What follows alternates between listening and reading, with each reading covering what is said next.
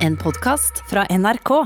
Nå skal vi snakke mer om eh, den sosiale medieappen Clubhouse, som mange snakker om nå. Clubhouse for de kule. De, I hvert fall må du være invitert, og så må du ha en Apple-telefon, for det er den eneste som kan, eh, kan, bruke den. Dette beskrives som Twitter med lyd, altså. Og, og så kan et medlem da lytte og delta i samtaler.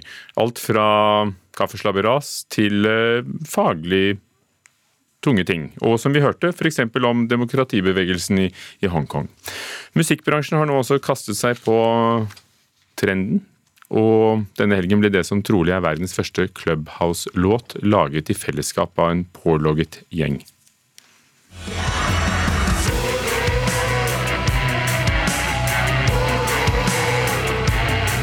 Det du hører her, er et resultat av et samarbeid som fant sted på den nye sosiale medieappen Clubhouse denne helgen. I et samtalerom var en gjeng pålogget da en idé ble satt til live. Det var egentlig bare en fyr som skulle litt, eh, prate med litt folk mens han støvsugde i musikkstudioet sitt.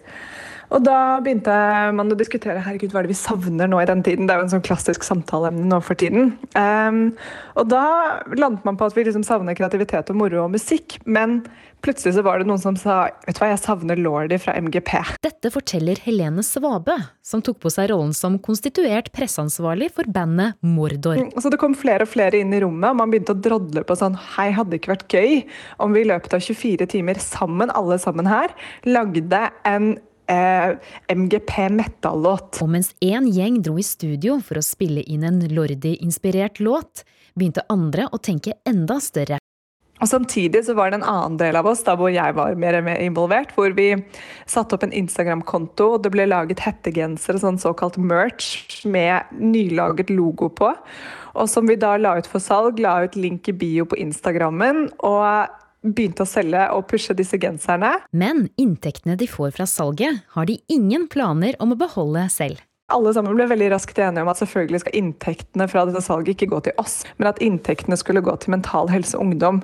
Eh, fordi vi vet at det er ganske mange unge som har det ekstra tøft i denne tiden. Kommunikasjonssjef i Mental Helse Ungdom, Line Toft, sier at de setter stor pris på støtten. Og jeg kjenner i hvert fall for min del, eh, og det tror jeg nok gjelder veldig mange av de andre hos oss også, at det, det er liksom det er et skikkelig sånn kick i motivasjonen når det er flere som, som, setter pris på det vi driver med, da, og viser det så, så tydelig som de gjør her.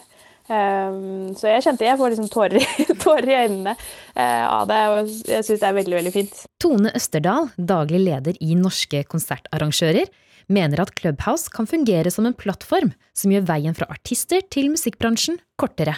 Ja, det er klart at en sånn plattform og et møtested som det her kan jo gjøre at man uh man ja, går egne veier og gjør mer selv. Uh, og det er ikke nødvendigvis noe, noe negativt til det. Så tror jeg aldri vi, liksom, vi skal helt bort fra de etablerte strukturene i bransjen. Uh, men at det kan være et supplement, uh, at noen vil gjøre i tillegg til de mer tradisjonelle prosessene, det tror jeg absolutt de bare kommer til å se mer av i tiden fremover. The phone is buzzing and I'm pouring some wine.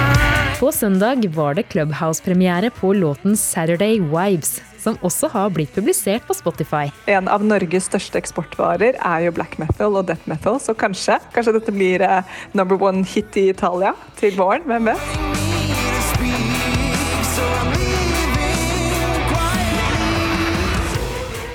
Reporter Linda Marie Fedler. I dag markeres Safer Internet Day, altså sikrere internettdagen i eh, mange land.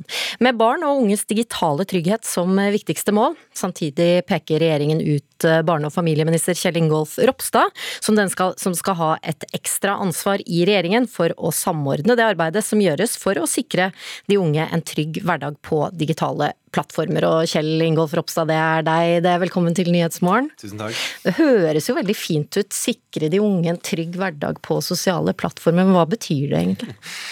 Altså, det er jo fantastiske muligheter med sosiale medier, med alt det digitale. En kan komme nærmere hverandre, en kan holde kontakten osv. Men det er jo en del skyggesider som, eh, som nettopp denne dagen òg setter fokus på. Eh, så det vi ønsker å gjøre, er jo en mer sånn kraftsamling av ressursene. For det gjøres mye bra arbeid. Alt fra hvordan kan vi hjelpe foreldre, hvordan kan vi gi kunnskap til ungene og forståelse til ungene til hva som alt ifra er kommersiell reklame til eh, alt det verste jeg tror en forelder kan tenke seg, at det kan være en overgriper som sitter i andre enden, eh, til liksom eh, hva kan du gjøre med reguleringer osv. Så, videre. så det er jo det er et bredt felt, og målet er å kunne gjøre den digitale oppveksten òg tryggere. Men det har mange prøvd seg på i mange år, og da har vist seg eh, veldig vanskelig å få ting til. For dette er jo et landskap som forandrer seg hele tiden. Når foreldre føler de har oversikt over én app, så er barna videre på, på neste app hvordan skal du eh, klare å henge med i svingen her? Ja, vi har f.eks. et utvalg nå, et offentlig utvalg som legger fram en rapport eh, ca. mars, som vil gi oss forhåpentligvis mange gode innspill. Men jeg tror jo veldig mye handler om nettopp det du sier. altså Hvordan kan vi få foreldre til å følge enda bedre med? Noe av det forskninga har vist, er at de foreldrene som snakker med ungene om det, som følger med, prøver å være litt på appene eller spillene sammen med dem, sånn at når de møter noe som de syns er skummelt eller farlig, da, så snakker en med med foreldrene fortere. og det er jo, Hvis en viser det, eller møter noe senere som er skummelt, så er det fortere for at de til kontakt med foreldrene. Så Det er alltid fra de verktøyene og hva kan vi gjøre i skolen på en enda bedre måte for å sikre at ungene, ungene blir trygge. Men, men, jeg tror en må tørre liksom å stille spørsmål bør vi regulere mer. fordi på en hvilken som helst annen måte, område Du vil ikke bare la ungene springe ned til elva alene, eller gå på butikken alene. eller Det som er egentlig litt overførbart òg på det digitale. Og Der mener jeg at de store selskapene, sånn som Facebook, Instagram, TikTok, altså alle disse plattformene, de må ta et større ansvar enn de gjør i dag for å sikre ungene våre. Men hvordan skal du, Kjell Ingolf Ropstad, i Norge klare å få disse store selskapene til å ta det ansvaret? Er det i det hele tatt mulig? Ja, det er mulig. og Jeg har allerede hatt møte med bl.a. Facebook, bare for å ansvarliggjøre de enda tydeligere. Men, men jeg ser òg EU gjør et større arbeid. En vet at det er en diskusjon i USA der mange av de plattformene holder til. Eh, så jeg tenker å jobbe internasjonalt for å prøve å, å, å få mer ansvar, rett og slett. Og de tjener jo lassevis av penger, mange av de selskapene, og de bruker noe mer av de ressursene for å sikre at ungene våre er trygge på plattformene. Det mener jeg bare skulle mangle. Og så kommer det jo nye apper hele tiden. Hvilke apper bør foreldre være spesielt på vakt overfor akkurat nå, tenker du? Eh, det er ikke digital kompetanse til å liksom avgjøre, men jeg tenker jo dette er noe av den veiledninga som vi håper at vi kan gi i større grad. Eh, generelt så er det ikke nødvendigvis appen som er problemet. Eh, så Derfor så er det jo mye av den samme kunnskapen. altså Hvordan håndterer du det som ser ut til å være en annen 14-åring på andre sida av nettet som bare skal snakke, hvorfor bør du ikke sende et halvnakent eller nakent bilde av deg sjøl til den andre, og for, skal du være litt kritisk altså Alle disse typer tingene. Og det er jo om du er på et spill eller om du er på en, en Eh, sosial medieplattform, så, så er jo mye av de samme reglene likt. da. Du er jo selv far. Hvordan eh, passer du på at dine barn ikke ser noe de ikke bør se, eller gjør noe de ikke bør gjøre? Altså, nå er De heldigvis, eh, de er ett og fire, så, så, mye av det De er ikke så alene med disse plattformene eller iPad osv. Men, men det er klart at eh, det er jo ikke vanskelig å komme fra NRK Super over til plutselig YouTube, og så kan det lede til, til helt andre ting. Så, så, det er jo det å prøve å følge godt med. Men jeg tror jeg, som alle andre foreldre, jo, det blir jo fort en barnevakt eller en gjeng vekk og får gjort endelig noe annet. Så, så, det er den kunsten om å klare å følge med. Og så er jo jeg opptatt av å kunne gi jentungen da, god kompetanse på hva dette er for noe, sånn at eh, hun kommer springende inn og så sier hun 'pappa, jeg kom på voksenfilm'. Eh, og det er heldigvis bare at eh, på Apple TV-en så har hun gått litt lenger opp og får se bilder av filmer, men, men, jeg tror jo det at, det at, hun faktisk gjør det, er veldig positivt. Og det er jo litt av nøkkelen òg, da. Mm. Og dette er jo en viktig, men veldig omfattende jobb, og lykke til med den, barne- og familieminister Kjell Ingolf Ropstad. Hvordan blir favorittlåter til, eller slager, eller hvorfor låter popmusikk som de gjør? Dette er blant spørsmålene som kan besvares i eh, noen av podkastene som vår musikkanmelder i NRK, Espen Borge, har eh, funnet frem. Eh, for du, Espen Borge, har sett på musikkpodkastene, lyttet til dem og, og funnet ut hvilke du vil anbefale. Og ja, hvor vil du begynne?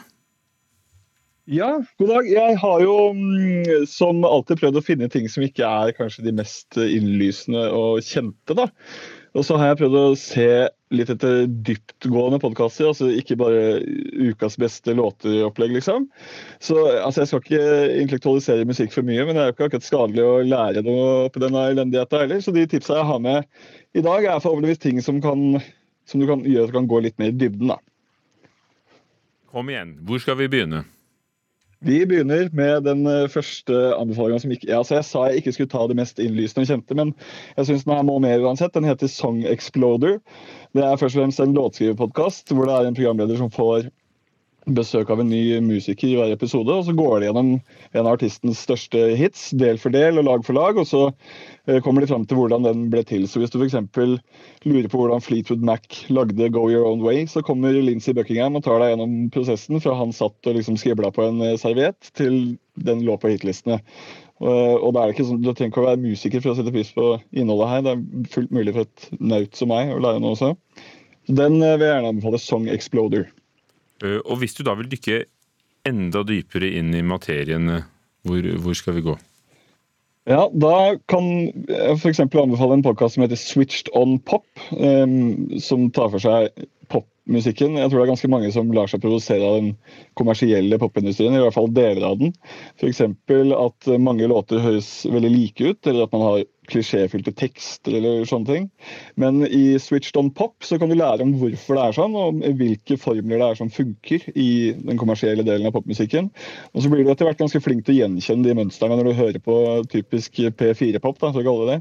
Så det er veldig mye interessant, å finne her, men spesielt så er det en episode som handler om hvorfor 90-tallspop er så sjukt merkelig og vanskelig å forstå i dag. Eh, den kan jeg varmt anbefale. Altså Switched on pop. Um, Switched on pop, ja. Hva er P4-pop? ja, det er kanskje altså de, de, mest kommersielle delene av popmusikken. Uh, uh, typisk uh, de største popartistene, f.eks. Katy Perry, Lady Gaga, Jonas Brothers, sånne ting. Som One Direction, Ed Sheeran. Hvor man kanskje kjenner igjen sånne mønstre i arrangementet på låtene. Og tenker dette dette er ikke for meg. Men så kan man kanskje tenke hva er det som gjør at eh, de, de låtene låter så likt? Hva er det for slags fellestrekk de har? Og det lærer man også her. Ja, jeg bare lurte, siden du, siden du nevnte det. Et siste tips før vi slipper deg. Ja, eh, helt på tampen så kan jeg anbefale en podkast som handler om countrymusikkens historie. Den heter Cocaine and Rhinestones. Eh, det er sikkert mange som gulper litt når jeg sier country, men dette handler om den ekte, faktiske countrymusikken, og ikke det Garth Brooks og Keith Urban kaller for country nå i dag. Så her får du møte Loretta Lynn og Merle Haggard og andre sånne folk som faktisk hadde enorm innflytelse på veldig mange andre sjangere også. Spesielt tekstforfattersiden av countrymusikken har inspirert veldig mange i ettertid. Og så helt til slutt så må jeg bare si at jeg ikke er alene her. Det er eh, også to musikkanmeldere som heter Sju Systa Tyssen og Faduma Mohammed, som har kommet med noen veldig bra tips også. De kan du lese i saken på nrk.no anmeldelser. Ja, Det er veldig pedagogisk anlagt. I nrk.no anmeldelser står alle navnene også på denne, eh, denne siste. Men eh, Cocaine og Rhinestones, eh, er det noen norske der òg? Der er det ingen norske, nei. Dessverre. Men det er mange norske i saken på, på nrk.no. Ja, ikke sant? F.eks. den norske podkasten Høylytt. Takk skal du ha, Espen Borge. Du har hørt en podkast fra NRK. Hør flere podkaster og din NRK-kanal i appen NRK Radio.